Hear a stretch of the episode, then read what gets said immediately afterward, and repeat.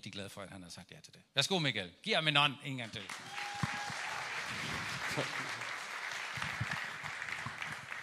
Ja, altså jeg skal med glæde signere bogen som en sådan ekstra pris oveni. Jørgen har bedt mig om også her, og Johnny har bedt mig om her bagefter, at øh, lave en sådan lille seance, hvor, at vi, øh, hvor I kan stille spørgsmål. Øhm, så hvis I gerne vil have, at jeg skal signere den, så, øh, ja, så må det blive efter den, tror jeg nok. Men det fortæller Jørgen meget mere om senere hen. Tak fordi jeg måtte komme og tale omkring tro, kirke og homoseksualitet. Jeg har undervist en del om det, siden jeg udgav min bog, og, og baggrunden for, at jeg udgav bogen, øh, eller at jeg turde udgive bogen faktisk, det var, at, øh, lang historie kort, men det var, at jeg har fået et venskab, øh, som jeg sætter stor pris på, med Susanne Brander, som er leder af LGBT plus Danmark. Øh, og vi har efterhånden optrådt en del gange sammen, hvor vi taler om venskab trods uenighed. Der er mange områder, hvor vi er meget uenige, Susanne og jeg.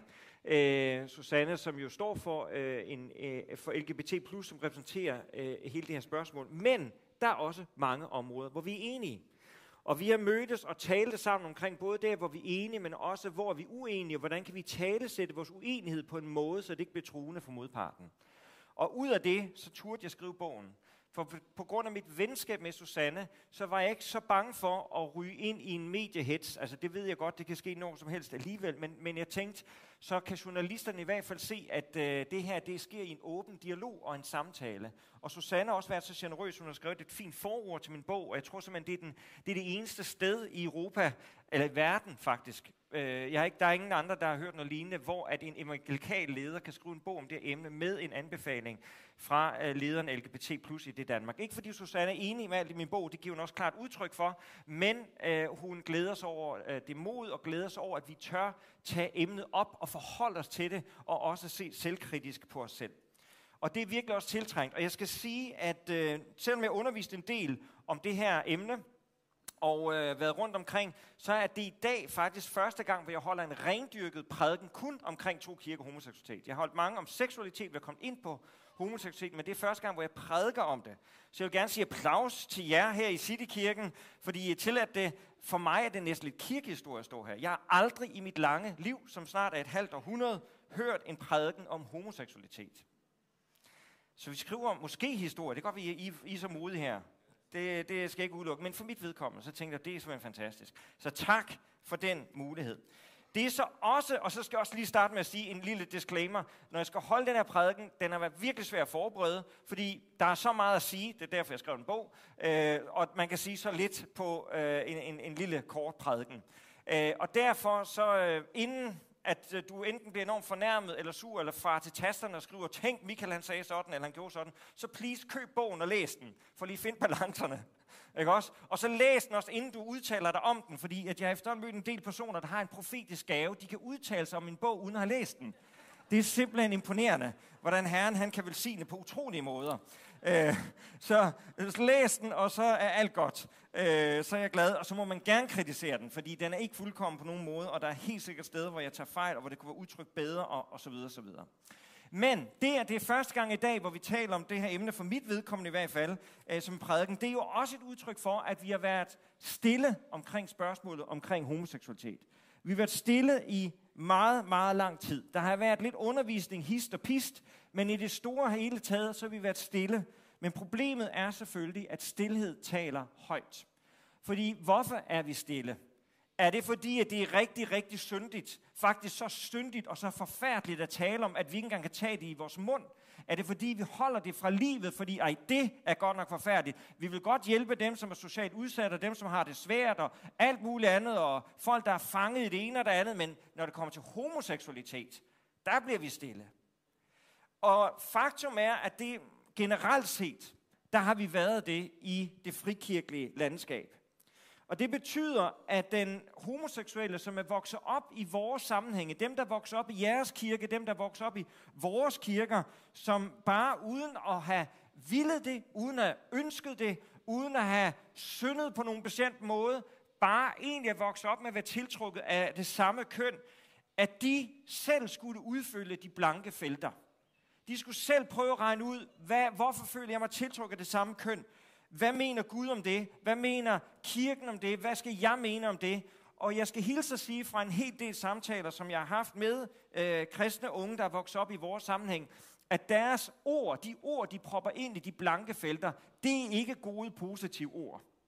Det er meget negative, destruktive ord. Folk øh, har fortalt mig, at de har tænkt på det som Guds straf, at de kunne have en tiltrækning af det samme køn, at de var så beskidte, at de var så urene, øh, at de var så ulækre. Øh, det er nogle af de ord, som de har brugt omkring sig selv. Mange af dem har bedt om at blive fri. Nogle af dem har ovenikøbet også giftet sig, fordi de så tænkte, at så ville det nok gå væk. Øhm, og der har været øh, mange af dem, som også er endt med at forlade vores kirker.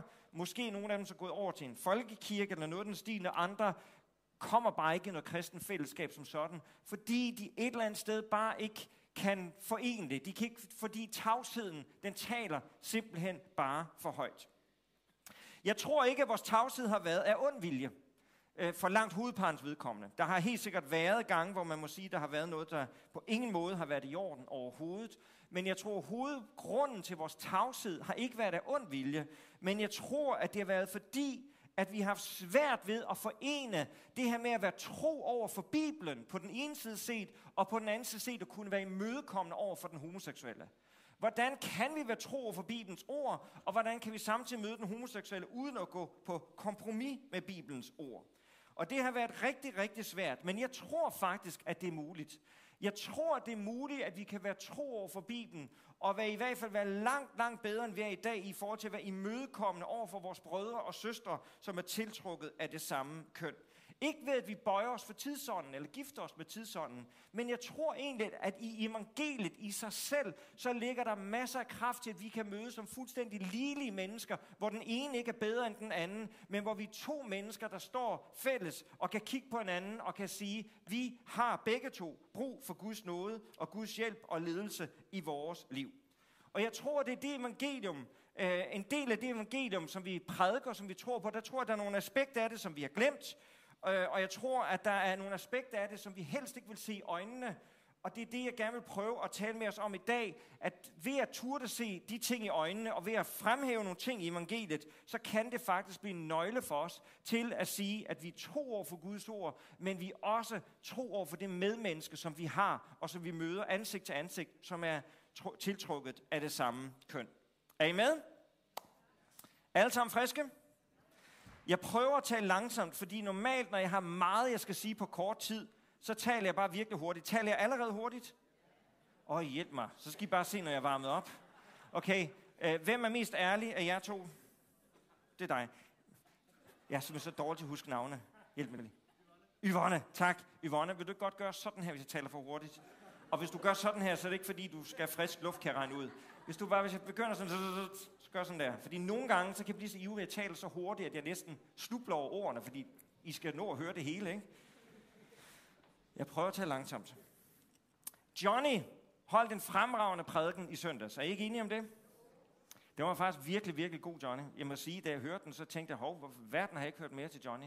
Øh, men øh, I er så heldige, I har så dygtige præster, som sagt. Ja. En fremragende prædiken, hvor han talte, og hvis I ikke har hørt den, kan den høres online, men en fremragende prædiken omkring det med, også med, med køn, men han talte omkring det her med at være formet af Gud, om at, være, øh, at der er sket et fald, og at vi er fundet igen. Og, øh, og det, der ligger i det, som Johnny fremhævede der, som er helt grundlæggende også i vores forståelse i forhold til evangeliet, og i forhold til, til hvem vi er som mennesker, så er det, at Gud først og fremmest har formet os i sit billede. Vi er formet til at ligne Gud. Da Gud skaber Adam og Eva, så er de skabt til at udtrykke Guds væsen. Ikke at de er Gud, fordi Gud er Gud, og vi er mennesker, men de er skabt til at udtrykke Guds væsen. Hans, den han er. Og noget af det, som er, er det stærkeste ved Gud, som Gud fremhæver som noget meget væsentligt ved sig selv, det er, at Gud, han er et. Han er en enhed. Han består af faderen, sønnen og helligånden, og han er et. Når Gud han skal give det jødiske folk en trosbekendelse, som de skal fremsige morgen, middag og aften, og som de skal skrive på deres dørposter, så giver han dem trosbekendelsen, som lyder sådan her. Hør, o Israel, Herren din Gud er et. Ikke Herren din Gud er almægtig, eller Herren din Gud er kærlighed, eller Herren din Gud er sandhed. Nej, hør o Israel, Herren din Gud er et. Gud, han er en, og det hebraiske ord for et, det er ret, en udelig enhed opgjort af flere dele. Og på den måde, så får Gud sendt signalet, det vigtigste ved Gud, det er, at han er et. Men i den enhed, der ligger jo hele evangeliet, fordi i enheden, der ligger kærligheden. Du kan ikke være et, uden at der er en ubrydelig kærlighed imellem jer. Du kan ikke være et, uden at der er tillid og der er tro. Og det er derfor, Jesus han beder om i sin bøn, han beder om, at vi alle sammen må være et. At enhed er sådan en central ting, der løber igennem hele Bibelen. Og når vi kommer til den yderste dag, hvor Jesus en dag kommer tilbage, der står det, at vi skal blive, alt skal blive et i Kristus Jesus. Enhed er en grundlæggende ting i Guds væsen, og det er en grundlæggende ting, som han skaber i os. Og da han skaber Adam og Eva, så skaber han også dem til at være et, til at være en udelig enhed, der består af flere dele, der er bundet udeligt sammen. Ligesom der er Gud, han er tre og dog en, fader, søn og helligånd, sådan skaber han også mennesker som mand og som kvinde til at blive et. Og det er derfor, læser vi i første Mosebog, at en mand forlader sin far og mor og binder sig til sin hustru, og de to bliver et kød. Det er derfor, vi fejrer ægteskabet i vores sammenhæng, fordi ægteskabet er en refleksion af Guds væsen. Ligesom Gud er et, sådan er vi kaldet til at være et. Men det er også derfor, vi fejrer seksualiteten, eller rettere sagt burde fejre seksualiteten. Fordi der, hvor det står, at Adam og Eva bliver et kød, det er der, hvor de bliver forenet med hinanden, og i den enhed, hvor de bliver forenet seksuelt, der reflekterer de så rent faktisk Guds enhed. Der udtrykker de Guds væsen. Der, hvor en mand og en kvinde bliver forbundet, forenet med hinanden, både i ægteskabet og i det seksuelle, lige der, der har vi et af de stærkeste udtryk ifølge første Mosebog, i forhold til at kunne udtrykke, hvem er Gud, hvad er hans essens, hvad er hans væsen. Og på den måde, så er vi mennesker, vores seksualitet, den er skabt til at være et ikon af Guds væsen. Igennem vores seksualitet, så får vi et billede af, hvem Gud er. Et ikon, det er et vindue, som man kan kigge igennem, og så får man øje på en større virkelighed. Når du trykker på et ikon på din mobiltelefon, så er det ikke fordi, du synes, ikonet er, er fantastisk. Det er fordi, ikonet det åbner en ny verden op for dig.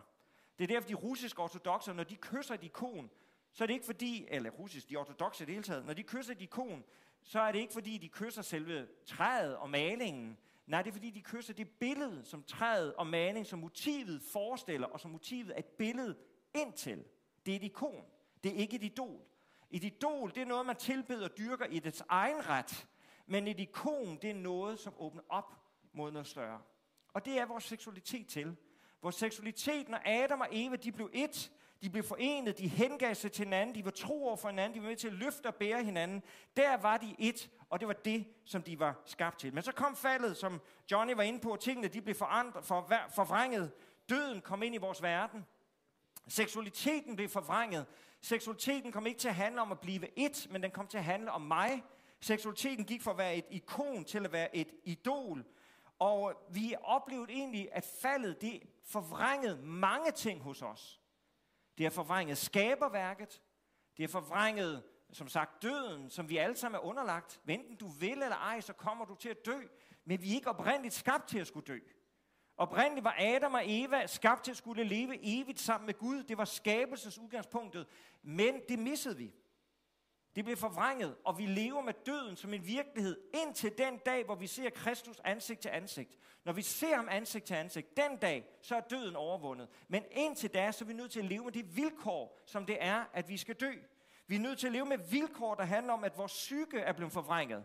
En del af os kan kæmpe med en, med en, en psyke, som er virkelig problematisk. Min, min datter er, er ramt rigtig meget af psykisk sygdom, og er du gal, men det har været en kamp lige siden hun var, øh, ja, siden hun var 13 år gammel. Så har det været en, en enorm ubeskrivelig, hård kamp, som en del af jer kan ikke genkende til, som er psykisk sygdom, enten ind i dit eget liv eller som pårørende.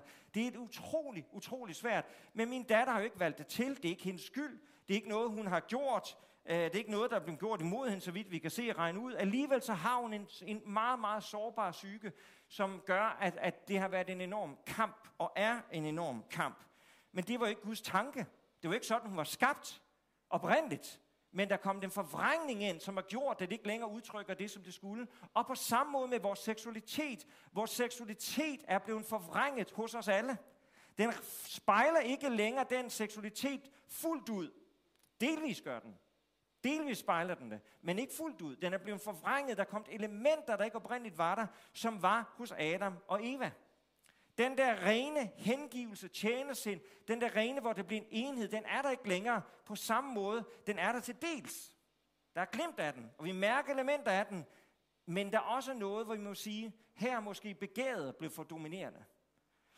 Nogle gange så plejer jeg at sige til, øhm, nogle gange så får jeg spørgsmålet, er, er, er homoseksualitet synd, bliver spurgt, og det kan man svare meget langt på. Jeg plejer så at sige, at jeg ikke vil svare på det spørgsmål med et ja eller et nej, fordi hvis jeg siger det ene eller det andet, så læser folk så meget ind i det, som jeg ikke mener. Så det, jeg så, men det jeg så gerne vil sige, det er, jeg plejer at sige, jamen det er rigtigt, at vi mennesker ikke oprindeligt blev skabt som homoseksuelle. Oprindeligt så blev vi skabt som Adam og Eva, altså som heteroseksuelle. Men der er sket en forvrængning, der er sket et fald, som har ramt os. Og det er klart, at det homoseksuelle er et udtryk for det, men det er min heteroseksualitet, den er også ramt af faldet. Og det er der, hvor vi nogle gange har misset og forstået, at det ikke, at også, at hver eneste af os er ramt på forskellige vis. Jeg vil da ønske, at min seksualitet ikke havde så meget, øh, hvad kan man sige, af, af et begær, som ikke er gudgivet.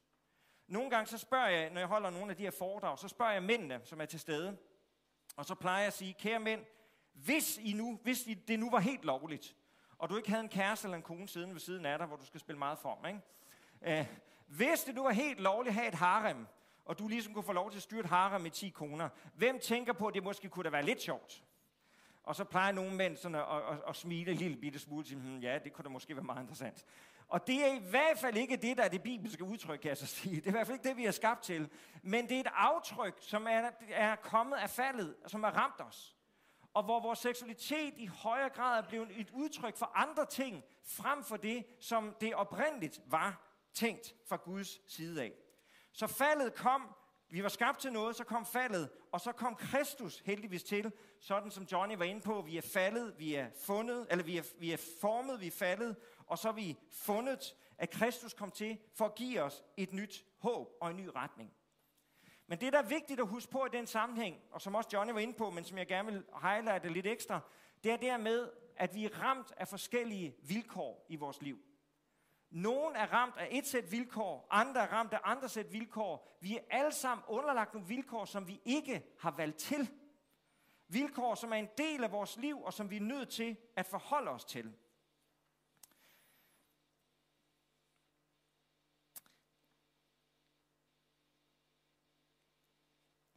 Selvom vi så er ramt af vilkår, og selvom vi er ramt af det på forskellige vis i vores liv, så betyder det selvfølgelig ikke, at vi så bare er øh, at vi så bare flyder med vilkåret, hvis man kan sige det sådan. Min datter har stadigvæk et ansvar for, hvordan hun håndterer sit liv i den situation, hun befinder sig i. Det har hun stadigvæk et ansvar for, men hun har et andet udgangspunkt, end det udgangspunkt, som jeg har.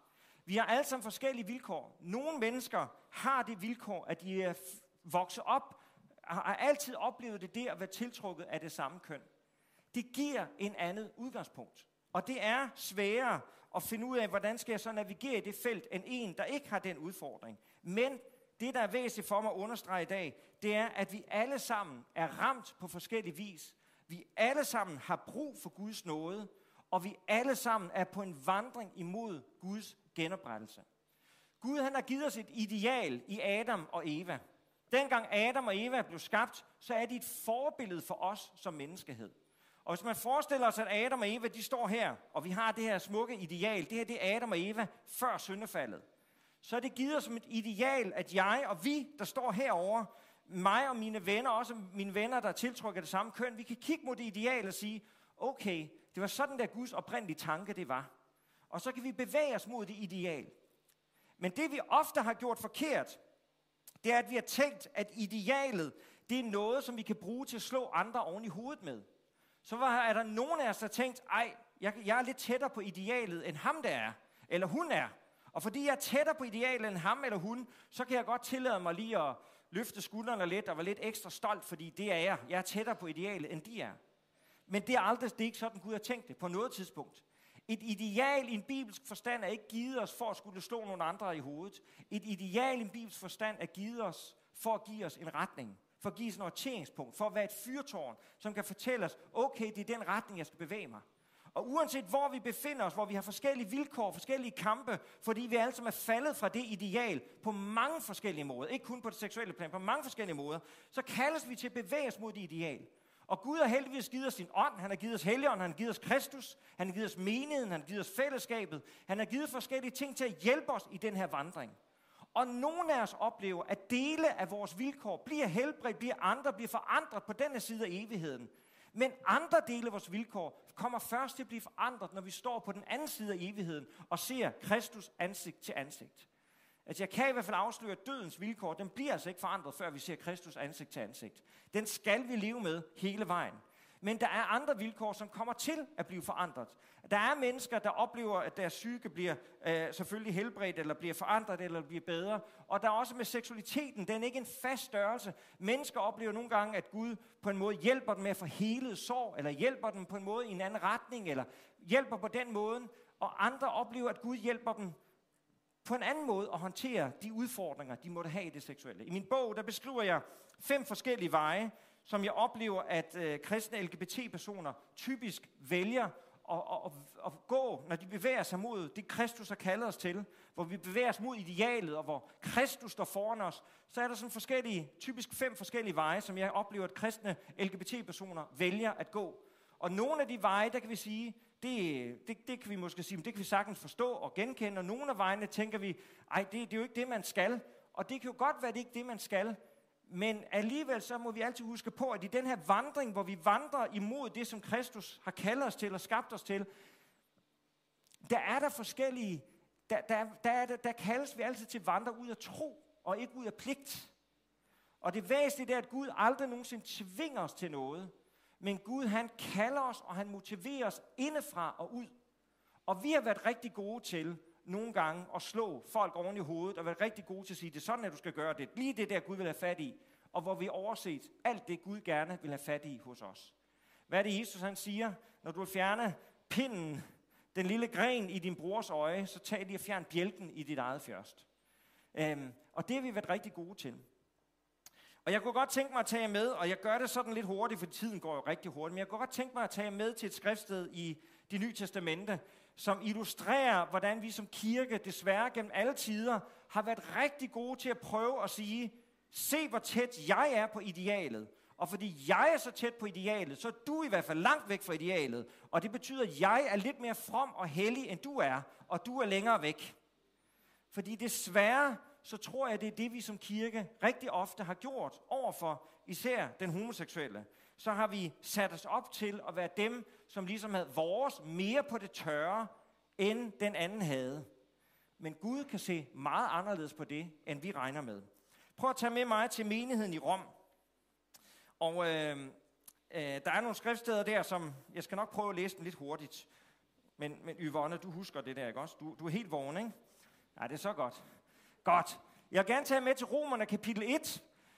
Øh, og her der kommer vi faktisk til at læse om lidt det vers, som ligesom er hovedverset i faktisk i hele Bibelen, hvor vi sådan direkte taler omkring homoseksualitet. Der er også flere skriftsteder end det her, men det her det er sådan det mest, hvor det bliver nævnt sådan i, i mere end et, bare et enkelt ord, altså hvor det bliver nævnt i sådan en, en lidt større sammenhæng. Øh, så det kommer vi forbi her, og jeg er godt klar over, hvis der er nogen, der sidder og lytter til det her lige nu, at for dem kan det næsten være, åh, hjælp mig, det her skriftsted, det har været en, en virkelig, virkelig tung forbandelse, eller virkelig, virkelig tungt i mit liv. Øhm, men, jeg, men jeg håber, at du vil lytte med alligevel, og jeg håber også, at det kan være med til måske at give noget perspektiv øh, på det. Paulus, han har den udfordring i menigheden i Rom, at der var nogen i Rom, som følte, at de var mere hellige end andre. Det var især de jødekristne. Det er, det er min tolkning. Man kan være uenig med den tolkning. Der er mange forskellige tolkninger. Men, men det er det er min tolkning, som jeg, som jeg øh, tager det ud fra. I menigheden i Rom var der jødekristne og hedningerkristne. Det er sådan set indiskutabelt. Det var der. Og der var en, en spænding imellem dem. Og en af spændingerne mellem de jødekristne og de hedningekristne, det var, at de jødekristne de følte sig som lidt mere fine kristne end de hedningekristne. Fordi de jødekristne, de var jo vokset op med en etik, som lå tæt på det, altså på det, på det bibelske. De var jo vokset op med det gamle testamente, med de ti bud. Du må ikke slå ihjel, og du skal ære din kone, og du må ikke øh, gå i seng med en anden mands hustru, osv. osv. De havde jo sådan set et etisk kompas, som var ret stærkt. Hvorimod at hedningerne, de kom jo ud fra et etisk kompas, som var helt forfærdeligt. Altså i den græske kultur, så var det jo mere fint, at man havde en dreng som elsker, end at man havde en, en hustru. Altså den, den mandlige kærlighed var mere fint end den, end den kvindelige, og, øh, og, og der var, altså, der blev børn, øh, altså pædofili var, var en del af kulturen. Og det er klart, for, for de jødiske kristne, så tænkte man, hold op en forfærdelig kultur.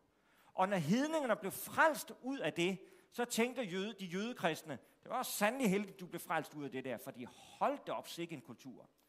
Og noget af det, Paulus han skal prøve på at gøre i Romerbrevet kapitel 1, 2 og 3, det er jo, at de jødekristne, ved at sige sådan, ja, hold op sikke en kultur, du er kommet ud fra, så havde jo hedningerne lidt mere brug for Jesus, end jøderne havde.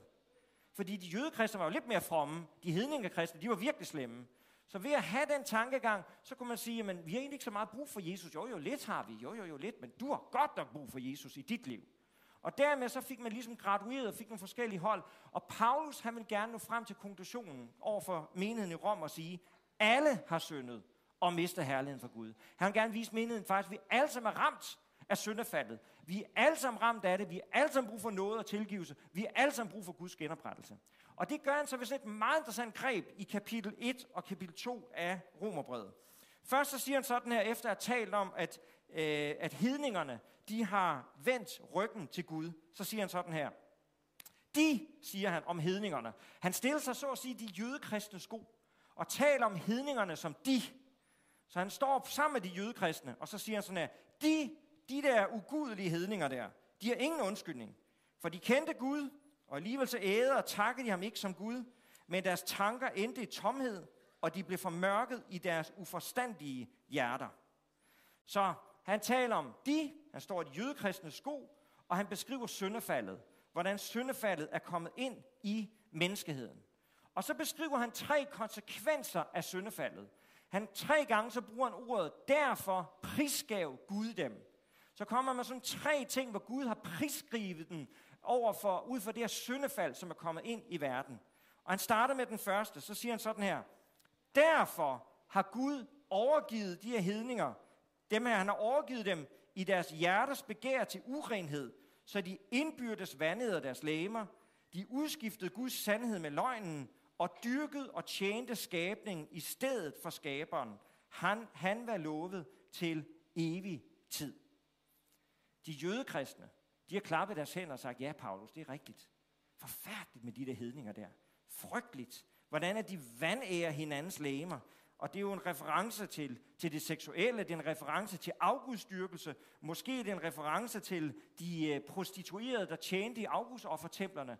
Helt forfærdelig kultur. Ja, Gud har overgivet dem i al deres vandære. Værsgo, det er til hedningerne. Må jeg lige bede om mit glas vand dernede, eller lige under, ja, min, min kande der. Tak. Det er fordi, når jeg skal tale så hurtigt og så meget, så bliver man så helt ufattelig tør, så halter man nok. Er I stadigvæk med? Altså, jeg kan, jeg kan jo godt se, at jeg kommer til at sige forfærdeligt meget, så man skal jo virkelig holde sig frisk øh, her. Så tak, fordi I faktisk gør det. Jeg har øjenkontakt med de fleste af jer. Langt fleste af jer, faktisk. Det er ret imponerende, fordi det er bum, bum, bum, bum, bum, bum. Ja, det var der sidste søndag, Johnny. Det, altså, men øh, fantastisk. Altså, jeg sad og hørte det i bilen, der, da jeg kørte her forleden dag, og tænkte, hold da op. Det var godt. Jeg sad oven og købte og tænkte på, hvad man kunne sige om din prædiken, ikke? fordi du havde formet og faldet og fundet, ikke? og frustreret og, og så videre. Ikke? Så talte man kunne sige, at det var virkelig en fantastisk, flot, fremragende. Men altså, ja. Det var god. Nå, men Paulus han fortsætter, og her kommer vi så til det her hovedskriftsted, som er, er ligesom det største skriftsted, som handler omkring homoseksualitet. Derfor prisgav Gud dem til vandærende lidenskaber. Deres kvinder udskiftede den naturlige omgang med den naturstridige, og lige så opgav mændene den naturlige omgang med kvinden, og optændte sig deres begær efter hinanden. Mænd levede skamløst med mænd, og pådrog sig derved den straf for deres vilfarelse, som de fortjente. Her griber Paulus fat i den anden af ligesom de her hovedsønder, som de jødekristne havde mod hedningerne. De jødekristne, altså det værste ved hedningerne, det var deres seksuelle udskejelser, det var deres afgudstyrkelse, det var deres øh, homoseksualitet. Et, så i sådan, i, Paulus bruger sådan nogle meget, meget vilde termer, hvordan de optændte sig begær, øh, og, og hvordan, han, han bruger egentlig nogle meget, sådan, meget barske beskrivelser her. Og der er ingen tvivl om, at Paulus i sin fortælling, når man taler om det, så har Paulus det billede, som jeg prøvede at beskrive før her. Han har det her billede, der er et ideal, vi er alle sammen faldet fra det, vi har brug for Guds nåde, og vi er en fælles vandring. Og det er også det, der ligger bag ved det her. Men når Paulus, tror jeg, og det er, det er min tolkning, men, og den er selvfølgelig ikke enig om, øh, men når Paulus bruger begreberne her og taler om det, så er hans hovedformål, tror jeg, at være med til egentlig at få forklaret de her jødekristne, ved hvad, folkens, eller lad, lad, lad mig hellere vise jer det, for jeg synes faktisk, det er ret genialt. Lad mig, jeg skal ikke tage forskud på det. Så, nu har han sagt det her. Han har sagt her, kære venner, kan I se hidningerne, frygtelige syndere, der har misset, som er faldet fra det, der oprindeligt var skabt til. Det er virkelig skrækkeligt. Så kommer han til den tredje prisgivelse. Og han taler stadigvæk om de, og står i skoene af jødekristne og peger om de. Og så siger han så, fordi de ikke regnede det for noget ved at kende Gud, så prisgav Gud dem til en forkastelig tankegang. Og så kommer han med en lang liste han taler om, de gjorde, hvad der ikke sømmer sig, de blev opfyldt af al slags uretfærdighed, ondskab, griskhed, uselhed, fulde misundelse, blodtør, stridstryst, estrivi, ondsindighed. Nu taler jeg hurtigt, for det skal gå hurtigt. De løber med slaget, de bagtaler andre, hader Gud far frem med vold, er hovne, fulde af pral, de finder på alt muligt ondt, er ulydige mod deres forældre, de er uforstandige, upålidelige, ukærlige, ubarmhjertige. Lang liste.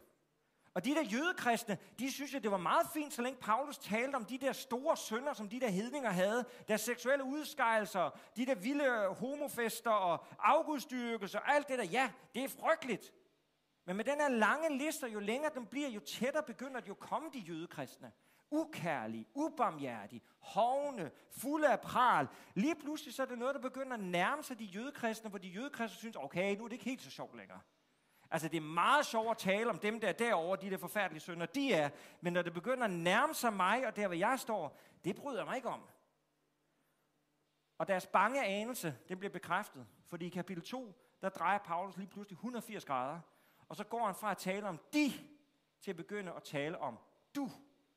Han går fra at tale om de forfærdelige sønder, til at ligesom vende sig rundt, og så peger han på de jødekrister, som han ellers lige har stået sammen med, og de har rigtig tænkt, at de var best pals, og så, lige, så siger Paulus sådan her. Derfor har du ingen undskyldning. Du menneske, som dømmer, hvem du så er. For med din dom over andre fordømmer du dig selv. Du, der dømmer, gør jo selv det samme. Og vi ved, at Guds dom med rette rammer dem, der lever sådan. Men du mennesker, som dømmer dem, der handler sådan, og som selv gør det samme, tror du, du vil kunne flygte for Guds dom? Eller ringagter du hans rigdom på godhed og bærenhed og langmodighed, og ved ikke, at Guds godhed vil føre dig til omvendelse? Med dit hårde og ubodfærdige hjerte samler du dig vrede til vredens dag, da Guds retfærdige dom skal åbenbares. Paulus her rammer ind med 180 grader lige ind i de jødekristes selvretfærdighed. De troede, de havde alt på de tørre. De troede, de havde styr på det hele. De tænkte, at alt det var okay. Men det var det ikke. Fordi deres hårde hjerter, deres fordømmelse af de andre, i Guds øjne, så var den fordømmelse fuldt ud på højde med alle de der augustfester, religiøse prostituerede og, og homoudskejelse, hvad det end måtte være. Det var fuldt ud på højde med dem. De samlede sig vrede til vredens dag. De negligerede Guds godhed. De glemte Guds godhed og langbærenhed og overbærenhed. Se, Paulus taler ikke om, at de egentlig står forkert teologisk. Han rokker ikke ved, at ja, der er et ideal, som vi er skabt til, og det er den retten, vi skal bevæge os i. Og Gud skabte Adam og Eva sit billede. Det rokker han ikke ved. Det er ikke det, der diskuteres. Men det, han egentlig diskuterer, den siger, det er det hårde hjerte. Det er, at vi mener, at vi kan dømme andre, at de er større sønder end os. Og hvis det er noget, vi som kirke har været god til, så er det bestemt at gøre andre til større sønder end os. Det er så dejligt, er det ikke rigtigt? Tak og lov for de større sønder end os. Altså, jeg elsker det. synes, det er så godt. Fordi så bliver man så from og så hellig. Men Gud, desværre, hver gang vi gør det, så bringer vi tom ind over vores eget liv. Så stiller vi os selv i de sko, at alle har syndet. Og så kan vi stille os selv det spørgsmål, når Paulus han siger, at Gud møder os med godhed, overbærenhed og langmodighed. Og det er Guds godhed, der fører os til omvendelse. Er det sådan, at vi har mødt den homoseksuelle i vores fællesskab? Har vi været gode til at møde dem med godhed, overbærenhed og langmodighed? Er stillhed at møde mennesker med godhed, overbærenhed og langmodighed? Er det det? Nej, det er det ikke. Stilhed, det er, ja, det kan være alt muligt. Og som sagt, stilhed, så skal man selv udfylde the blank spots og prøve at gætte, hvad ligger der i det. det ligger nok i, at jeg hurtigst muligt må rette ind. At jeg hurtigst muligt må tilpasse mig, ligesom alle de andre. Men det er ikke det, Paulsen siger. Han siger godhed, langmodighed og overbærenhed. Det indikerer en vilje til at gå med mennesker, også der, hvor det er svært. Også der, hvor vi ikke har svarene. Også der, hvor vi ikke kan forstå tingene. Også der, hvor vi begynder at blive lidt truet selv og tænker, uh, hjælp mig, hvad betyder det for mit udgangspunkt? Særlig er de modige, for de skal altså få lov til at opleve skønne ting med Gud, vil jeg sige. Og turde gå med nogen, selvom man ikke har alle svarene, selvom det kan være svært. Hvad betyder det her for, for mine homoseksuelle bror eller søster? Og lad mig bare lige fremhæve et, et par citater. Når jeg taler omkring, altså man kan sige, nu bruger vi lige ordet homoseksuel rigtig meget her, og hvad er en homoseksuel? Det er også et rigtig godt spørgsmål, fordi nogle homoseksuelle, øh, de er det i en periode, og især øh, har jeg læst mig til, at øh, blandt øh, lesbiske, så er der en del, øh, Øh, ikke absolut ikke alle, men en del i højere grad end blandt mandlige homoseksuelle, hvor seksualiteten ændrer sig, og, og der kan være forskellige ting at sige, men her taler jeg lige bare forskelligt helt til, så taler jeg til den homoseksuelle, der bare ganske enkelt må sige, sådan har jeg altid oplevet det. Det har altid været min erkendelse, sådan har jeg altid oplevet det. Eller den homoseksuelle, der ligesom er, er kommet til den erkendelse, øh, altså jeg taler ikke her til, kan man sige, der hvor der er nogen, der eksperimenterer eller prøver af, fordi der vil jeg måske nok formulere det anderledes, for jeg tror ikke, vi er kaldet til at skulle eksperimentere på den måde, men det er en anden snak. Jeg vil gerne sige til den homoseksuelle bror eller søster, øh, som altid har oplevet det på den her måde, eller på en eller anden måde bare må erkende, sådan er det. Det er ikke din skyld. Det er ikke din skyld, at du har oplevet det på den her måde. Det er ikke din skyld, og det er ikke Guds straf, at du er tiltrukket af det samme køn. Det er ikke Guds straf over dit liv, og det er heller ikke din skyld. Det er en del af en fald, som, ja, det er ikke Adam og Eva, det er rigtigt. Og det er på den måde en del af et fald, men det er en del af et fald, som vi alle bærer med os, og som jeg også bærer med mig. Og jeg i min seksualitet også bærer med mig, selv som heteroseksuel. Og der er vi nødt til at leve med en, med en ufuldkommenhed, og anerkende, at vi lever i en ufuldkommenhed. Og det er ikke det værste at erkende, at man lever i en ufuldkommenhed. Det er ikke det værste at erkende, at der er en faldetid, og der er en fortabthed hos os mennesker. Faktisk er det utroligt sundt at erkende vores egen ufuldkommenhed og vores egen fortabthed. Det er egentlig rigtig sundt. Det, som vi kaldes til af Gud, det er, at han kalder os til at følge ham, til at følge Kristus, og at vi husker på, at Gud møder os med godhed, overbærenhed og langmodighed, og det er hans godhed, der fører til omvendelse. Og hvad betyder det, at han fører til omvendelse? Jamen det kan føre til omvendelse på mange, mange områder i vores liv, men der er nogle vilkår, der er nogle ting, som først kommer til at ændre sig på den anden side af evigheden. Og hvordan vi så kan vandre sammen med det indtil da, det må vi så finde ud af. Min tid er gået, men må jeg ikke bare lige tage nogle citater, øh, som er rigtig vigtige. Nogle citater for, hvordan, hvordan kan vi så møde vores homoseksuelle bror eller søster? Hvordan kan vi gøre det godt? En, der vokser op i, i, i vores sammenhæng, han udtrykte sådan her, hvorfor har mine kristne venner altid brug for at kridte banen op over for mig? Hvorfor har mine kristne venner altid brug for at kridte banen op for mig? Og han beskriver sådan, at han siger, jeg ved godt, hvad mine kristne venner mener. Men rigtig ofte, når vi taler sammen, så er de lige brug for at sige til mig, du skal lige vide, hvor jeg står. Og så fortæller de mig, hvor de står, og så vil de godt være imødekommende. Og jeg kan godt genkende det, fordi når vi møder nogen, som står et andet sted end os, så kan vi godt have brug for at beskytte os selv, ved lige at sige, du skal lige vide, hvor jeg står. Men ved at gøre det, så sætter vi jo os selv, vores egen tryghed og vores egen sikkerhed, før den andens. I stedet for at turde sige, hvordan har du det, eller hvordan, hvor er det, du står. I stedet for at turde lade den anden komme til, så vil vi heller lige skitsere, hvor vi står, så det ligesom er afklaret. Og så bagefter, så kan vi lytte til den anden. Det er den ene ting, jeg gerne vil tage med. Den anden ting, som, som bliver sagt her, det er, hvorfor er der ikke nogen, der vil løbe en risiko på mine vegne? Og det er beslægtet med det første. Altså, hvorfor er der ikke nogen, der sådan tør, sådan at godt kunne risikere, at nogen vil sige, hey, her laver du et lille, at du vil at gå på kompromis, at andre godt kan pege på en og sige, hmm, bop, bop, bop. Hvorfor er der ikke nogen, der tør ligesom at, at gå med nogle gange i, i, sammen med mig i det også, som er svært, som jeg ikke har svarene på, øh, selvom jeg godt ved, hvor de står. Jeg ved godt, hvad de står for, hvad de mener, men alligevel de tør gå med sammen med mig. Og det med at turde løbe en risiko, der var en, der fortalte mig den her historie, en LGBT-person, som fortalte mig, at han arbejdede som frivillig i en kirke inde i København. Og den kirke, den lå på den rute, hvor at øh, Priden, den skulle gå forbi. Og så sagde han til kirkens ledelse, sagde han så, næste uge, eller om en måned, så er der Pride, og de kommer til at gå lige forbi vores kirke. Skulle vi ikke få vores gospelkor ud og stå ude ved Priden, og så synge gospelsangen, når de går forbi? Og øh, lige, lige da han sagde det, så tænkte jeg, ej, det kan vi ikke.